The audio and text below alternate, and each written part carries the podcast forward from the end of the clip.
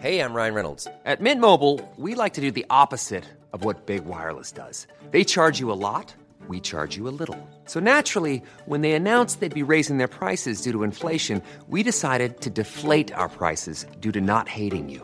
That's right. We're cutting the price of Mint Unlimited from $30 a month to just $15 a month. Give it a try at mintmobile.com slash switch. $45 upfront for three months plus taxes and fees. Promo rate for new customers for limited time. Unlimited more than 40 gigabytes per month. Slows. Full terms at mintmobile.com.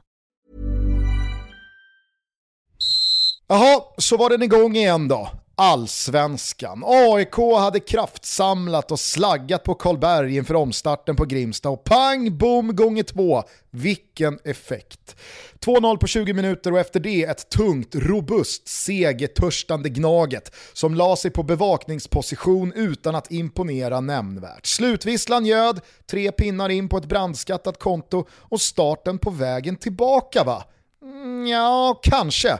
I alla fall inte för alla. Ett knappt dygn senare så var brännan out, Henning Berg in och vi ska givetvis släppa ut AIK från utvisningsbåset om en liten, liten stund. De fick också tabellmässig hjälp av Värnamo, Värnamo. när Kim Hellbergs vitblå gäng lyfte från botten och samtidigt befäste Degens prekära tabellposition. Brukets stolthet har en vinst de senaste två månaderna och ser mer och mer ut som ett superettan-lag. Skulle de åka ur så lär de få sällskap av Varbergs boys. Jocke Persson har lämnat skeppet och det, ja, det tar så att säga in vatten. Man letar fortfarande efter en ny tränarlösning och ställde igår ut ett tandlöst lag utan självförtroende mot Diffen på Tele2. Matchen kändes förlorad efter fyra minuter när Jeppe Lövgren nickade in 1-0 till järnkaminerna och Oliver Berg kunde sedan fastställa slutresultatet till 2-0. All heder till Varberg va, som försökte, men låt oss vara ärliga. Ingenting talar för att två lag ska ha skrapat ihop färre poäng än de grönsvarta när 30 omgångar spelats. Ett av lagen som dock får betraktas som Varbergs livliner är Blåvitt. Jens Bertil Askos manskap stod förvisso för en solid bortamatch på Örjansvalls gräsmatta. Men några mål det blev det inte den här gången heller, hur nära Elias Hagen än kom med sin stolpe-stolpe-projektil i andra halvlek. Och gör man inga mål, då vinner man inga matcher.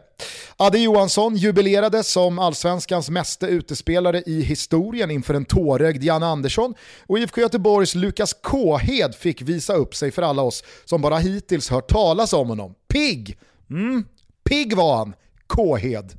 Malmö gjorde processen kort med Sirpan, Kiese bröt måltorkan innan snacket fått allt för mycket fäste. Busanello och Sebastian Nanasi briljerade ännu en gång och både Otto Rosengren men framförallt Pone fick kliva ut på stadion inför publikens jubel.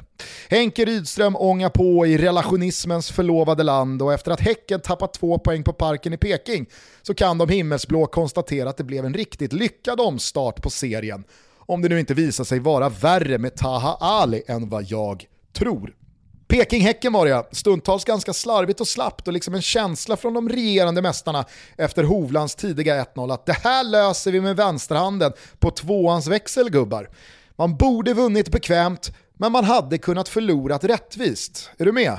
Det var en klassisk hybris slip-up man inte har råd med ifall man har tänkt att försvara ett SM-guld. Till kvällen så möts Mjällby och Kalmar men framförallt Elfsborg och Bayern där det ska bli oerhört intressant att se med vilken attityd dessa klubbar kliver ut till omstartsspel. Menar Borås stolthet allvar? Ska Hammarby få ordning på den här säsongen lagom till Europakvalet? Eller ska frågetecknen fortsätta dansa över utropsditorna? Mm. Den som lever får se ikväll. I övrigt från helgen som passerat så tar vi med oss att Israel, England, Spanien och Ukraina alla avancerade från sina respektive kvartsfinaler i U21-EM och spelar semifinaler på onsdag. Det blir, något överdrivet kanske, verkligen en hel kväll att se fram emot.